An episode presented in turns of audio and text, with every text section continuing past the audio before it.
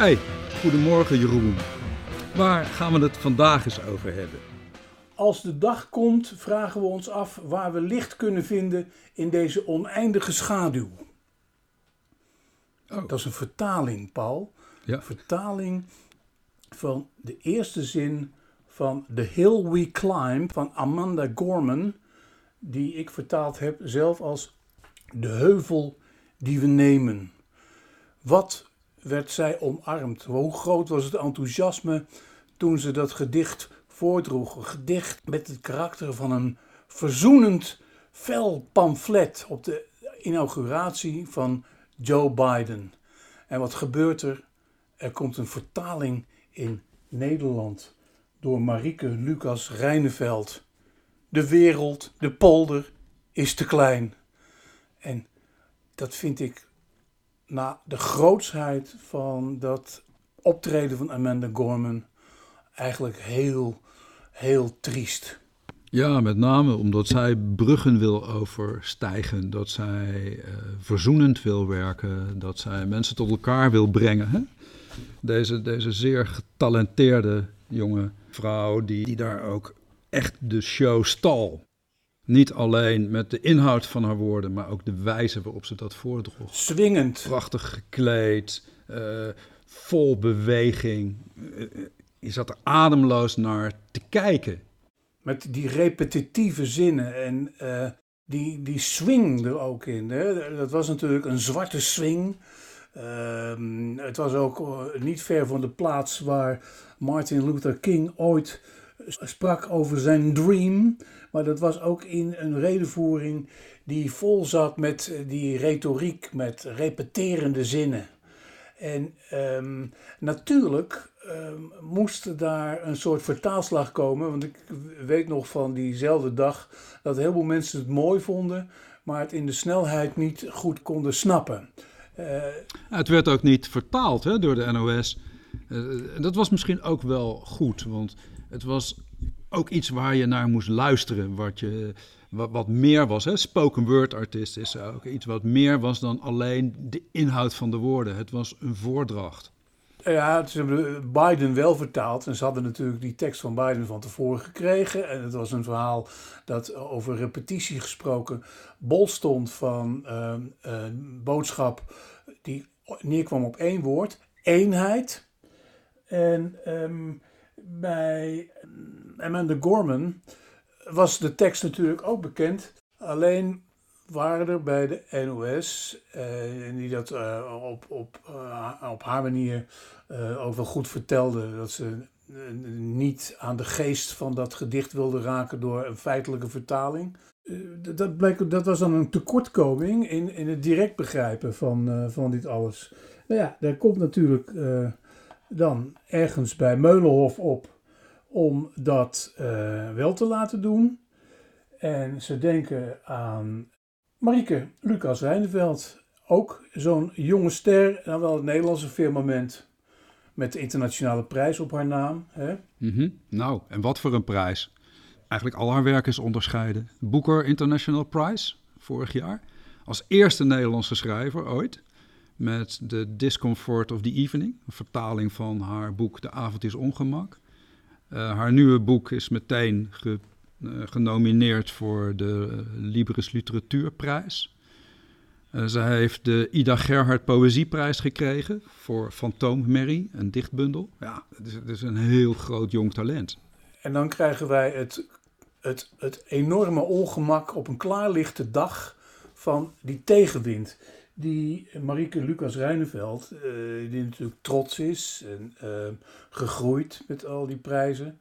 Maar eh, vooral eh, natuurlijk een sensitieve auteur. Die de opdracht voor die vertaling van Amanda Gorman, die ze als dichteres natuurlijk ook heeft herkend en omarmd, niet begrijpt wat haar overkomt. Wat haar ineens allemaal verweten wordt. En eh, dan denk ik aan eh, wat Abdelkader Benali onlangs is overkomen. Na de aanwijzing eh, of na de uitnodiging om die 4 mei-lezing te houden. Ook een storm van ehm, kritiek en een hele sfeer van ongenoegen om zich heen gecreëerd krijgt uit de sociale media. En dat is met Marieke Lucas Rijneveld ook gebeurd. En wat me tegenstaat is dat ze ervoor uh, buigen. Dat ze niet overeind blijven staan. En dat ze zichzelf ook niet omarmd weten. Abdelkader Benali door het 4 mei-comité, dat hem gewoon liet vallen. En Marieke Lucas Rijnveld door uh, Meulenhof, die als uh, uitgeverij uh, ineens in grote verlegenheid zich toont. Waarop Marieke Lucas Rijnveld dan, dan in een soort van grootmoedigheid zegt van... Oké, um, er zijn anderen, ik um, laat het hierbij. Ik, ik vind dat een, een, een heel kwalijke ontwikkeling. Wat ik opmerkelijk daarbij vind, is dat zij ook zegt dat ze begrip heeft voor het feit dat ze anderen zo hebben gekwetst. Nou, dat kwetsen, dat verbaast mij. Wij kennen de inhoud van haar werk niet. Het boek wat ze gaat vertalen, dat zou de 20ste uitkomen. Op dezelfde dag overigens als 20 eh, maart. Op dezelfde dag. Je bedoelt het gedicht? Nee, het is een hele bundel van gedichten. Hè? Ja, ja, ja, ja, ja. Het is de eerste eigenlijk grote officiële uitgave van uh, Amanda Gorman. En het is een dichtbundel met de titel uh, The Hill We Climb and Other Poems. En zij is er natuurlijk al enige tijd mee bezig. En ze heeft haar werk natuurlijk al voor een deel klaar. Want anders krijg je, krijg je niet in drie weken zo'n dichtbundel gepubliceerd. En ik vind het zo jammer dat we niet zullen weten waarop die kritiek zich inhoudelijk richt. Hoe beoordeel je die kritiek in dit licht? Moet je nagaan, ze, ze, was al klaar. Hoe ik dat beoordeel, uh, ik vind het pure obstructie. Ik vind dit uh, vernietigend. Dat is het. En uh, dat mag niet. Um, Zo'n vertaling is um, met oprechte ijver en met bezieling aangegaan door een bezielde auteur. Die blijkbaar toch een, een band heeft en hart heeft voor in dit geval Amanda Gorman. Um, wier tekst en wier andere gedichten leidend zijn in een vertaling. Uh, wordt dan hier en daar ook gezegd dat uh, Marieke niet voldoende Engels beheerst. Nou, dat um, vind ik redelijk dubieus. Ja, maar ook dat is een vooroordeel, omdat we haar vertaling niet kennen. En dus de kritiek richt zich eigenlijk op een vooroordeel. Een vooroordeel dat ze geen vertaler is, maar een schrijver. Een vooroordeel dat ze zich de zwarte thematiek niet goed eigen zou kunnen maken.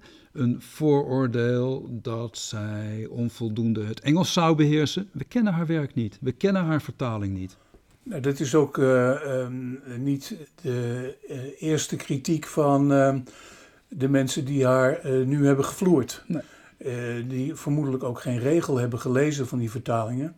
Maar die aanslaan op de tegenstelling wit en zwart. Mm uh, waar uh, notabene uh, arme Marieke de goedkeuring heeft gekregen van Amanda Gorman zelf.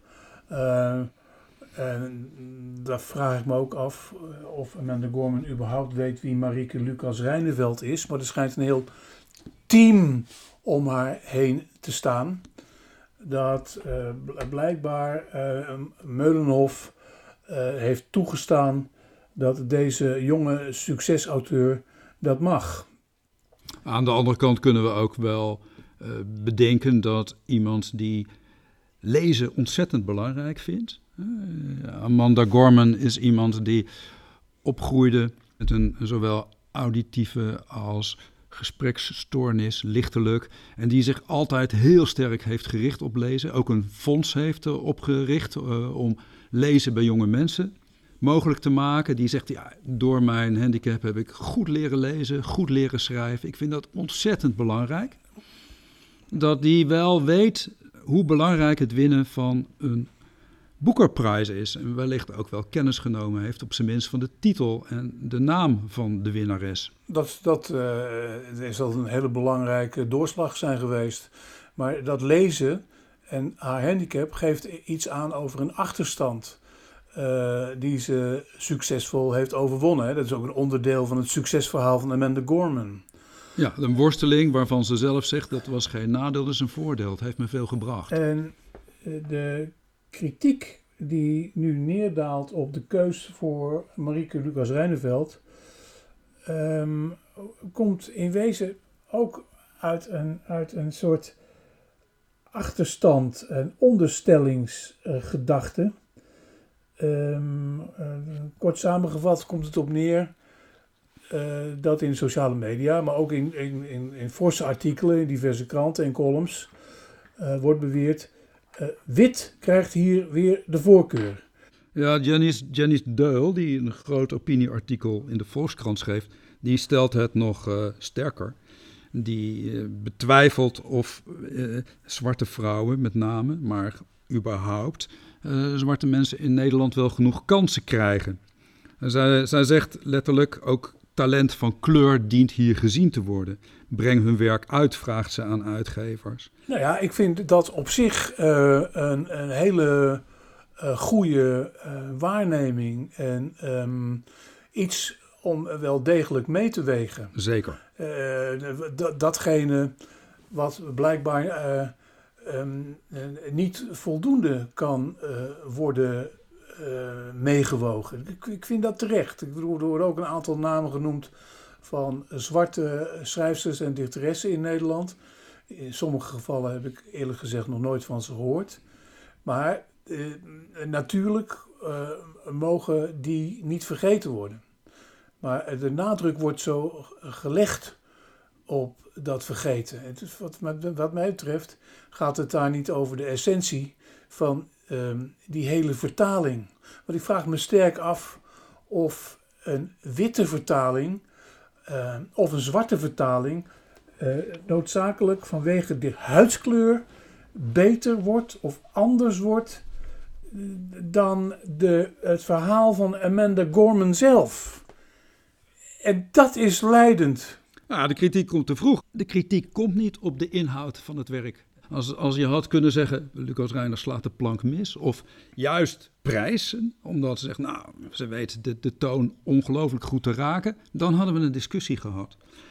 Aan de andere kant, als je zegt van talent met een andere culturele achtergrond of anders gedeelde culturele achtergrond krijgt in Nederland weinig kansen, dan is dat ook falsificeerbaar. Als we eens kijken naar 2018, Murat Isik wint de Libris Literatuurprijs, een van de best verkochte boeken in Nederland. En er zijn vele, vele andere voorbeelden van schrijvers van andere culturele achtergrond die in Nederland zeer succesvol zijn. Ja, en dat moet dus in Amerika worden vertaald, vooral door een gekleurde man. Als je de redenatie volgt. Hè? Ja, als je die redenatie zou, zou omkeren, dan zouden wij op die manier nooit kennis kunnen hebben nemen van de, de wereldliteratuur. Ik maak bezwaar tegen de redenering dat zwart moet worden vertaald door zwart. Ja, ben ik met je eens. Dat zou, betekenen, dat zou dan betekenen dat wit allemaal moet worden vertaald door wit. Wat een onzin. Ik zou zeggen, taal heeft geen huidskleur. En nogmaals, ehm, het gaat over de bezieling van de oorspronkelijke tekst. Dus wat voor vertaling ook, uh, um, dat gedicht van Amanda Gorman, in wat voor vertolking ook, zal zwart zijn.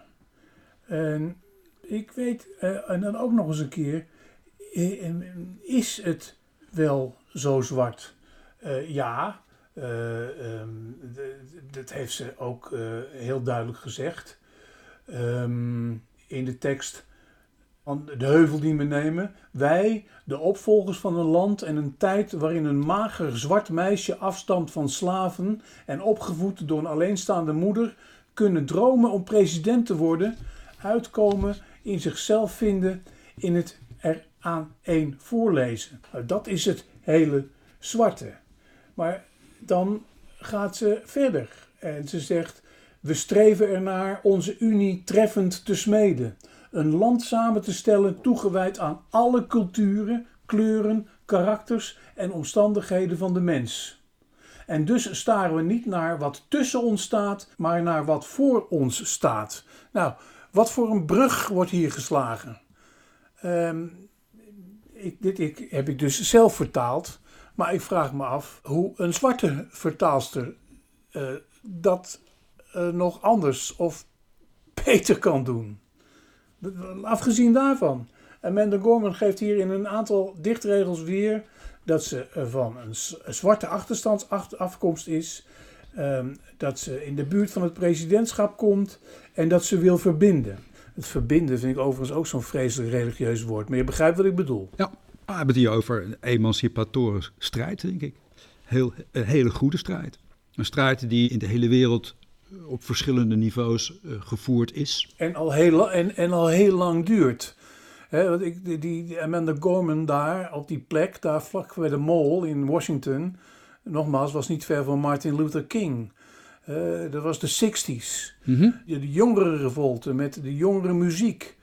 Um, wat dat betreft, hoe is die uh, muziek uh, van de basis af eigenlijk niet doordezemd van een oorspronkelijke zwarte basis? de rock and roll komt uit de, uit de zwarte kerk, ja. uit de gospel. Um, de Rolling Stones hebben in Engeland, uh, wat helemaal niet zo bezig was met de noot en de blues van zwarte mensen uit Amerika, die uh, uh, muziek tot zich genomen, heel grondig bestudeerd. En kwamen er vervolgens op tournee in Amerika achter hoe blij mensen als Muddy Waters waren dat die witte Engelsen dat voor hun hebben gedaan, omdat zij zelf uh, nauwelijks de kans kregen in Amerika. Vroege jaren 60. Dat was echt racisme. De, waar zwarte artiesten nauwelijks konden optreden.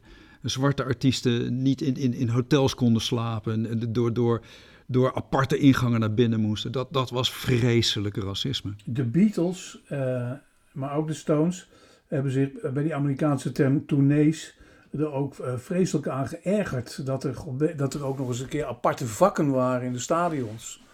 Uh, ik herinner me nu dat de Beatles ook in hun contracten lieten opnemen dat ze dat niet wilden. En om de Stones terug te komen, die waren in Londen niet zo vreselijk bezig met uh, zwarte achtergesteldheid, maar meer met de bezieling en het hart van die muziek. En die vonden elkaar dan vervolgens. En dat was op, op een podium. Maar eh, dit was van een, muziek overstijgend belang. En zo is het natuurlijk gebleven. Uh, hoe belangrijk uh, zijn zwarte rappers niet tot de dag van vandaag. Ja, daar zie je bijvoorbeeld in Nederland wel dat ze goed, goed, goede podia krijgen. En door, door iedereen worden gewaardeerd. Hey Jeroen, wat is een oplossing? Constateren wel bij dat dit toch wel een beetje een zorgelijke ontwikkeling is. Dat iemand niet op haar werk wordt beoordeeld, niet op haar kunnen, niet op haar, de verschijning van het werk wordt beoordeeld, maar op basis van een vooroordeel. Uh, hoe, hoe gaan we verder met elkaar hierin? Nou, stop de karaktermoord, zou ik zeggen, in de sociale, in de sociale media. En dat geldt dus eh, nogmaals niet alleen voor Marieke Lucas Rijneveld, maar ook voor Abdelkader Benali. En uh, binnenkort uh, is er de volgende aan de beurt. Um, nee, comité 4 mei. Kies vervolgens niet voor een, nationale knuffelbeer als André van Duin. Maar um, erken dat er enige smetten kleven aan Abdelkader Benali.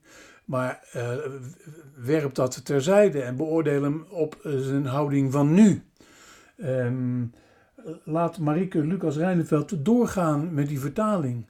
En buig niet voor um, diegenen die op sociale media, jij gaf dat net heel goed aan, uh, zonder kennis genomen te hebben van het reeds begonnen werk aan zo'n vertaling, kunnen bepalen of een kunstenaar wel of niet zijn werk kan voortzetten. Dat, dat, dat, dat mag niet. Dat moet, die teneur moet worden omgebogen.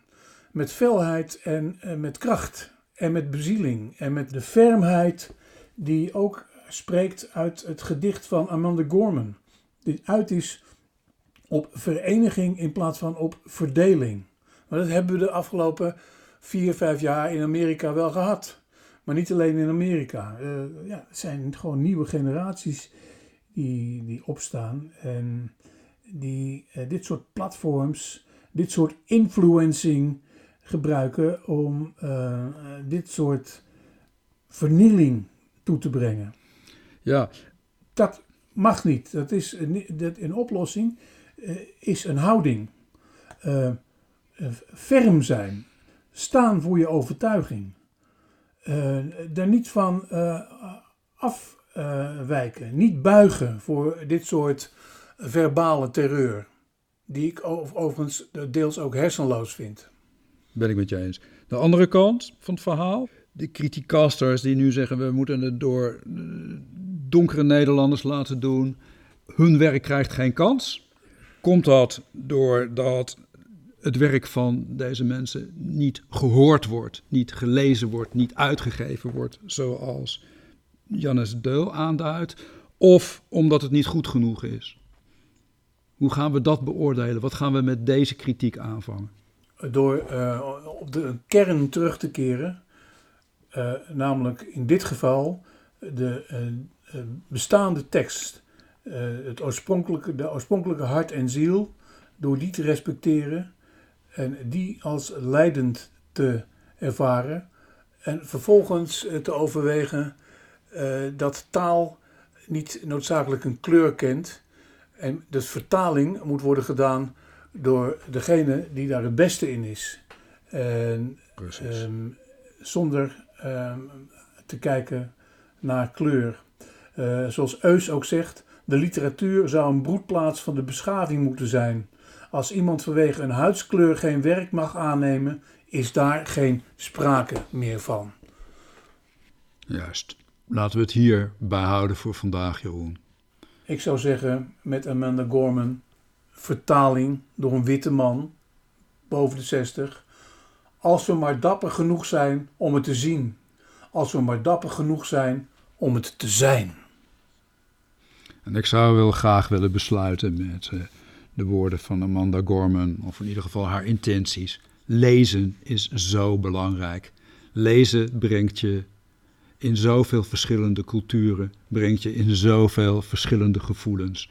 Lezen verenigt. Lezen laat je je eigen ontwikkelingen zien. Hey, bedankt Jeroen. Oké, Paul.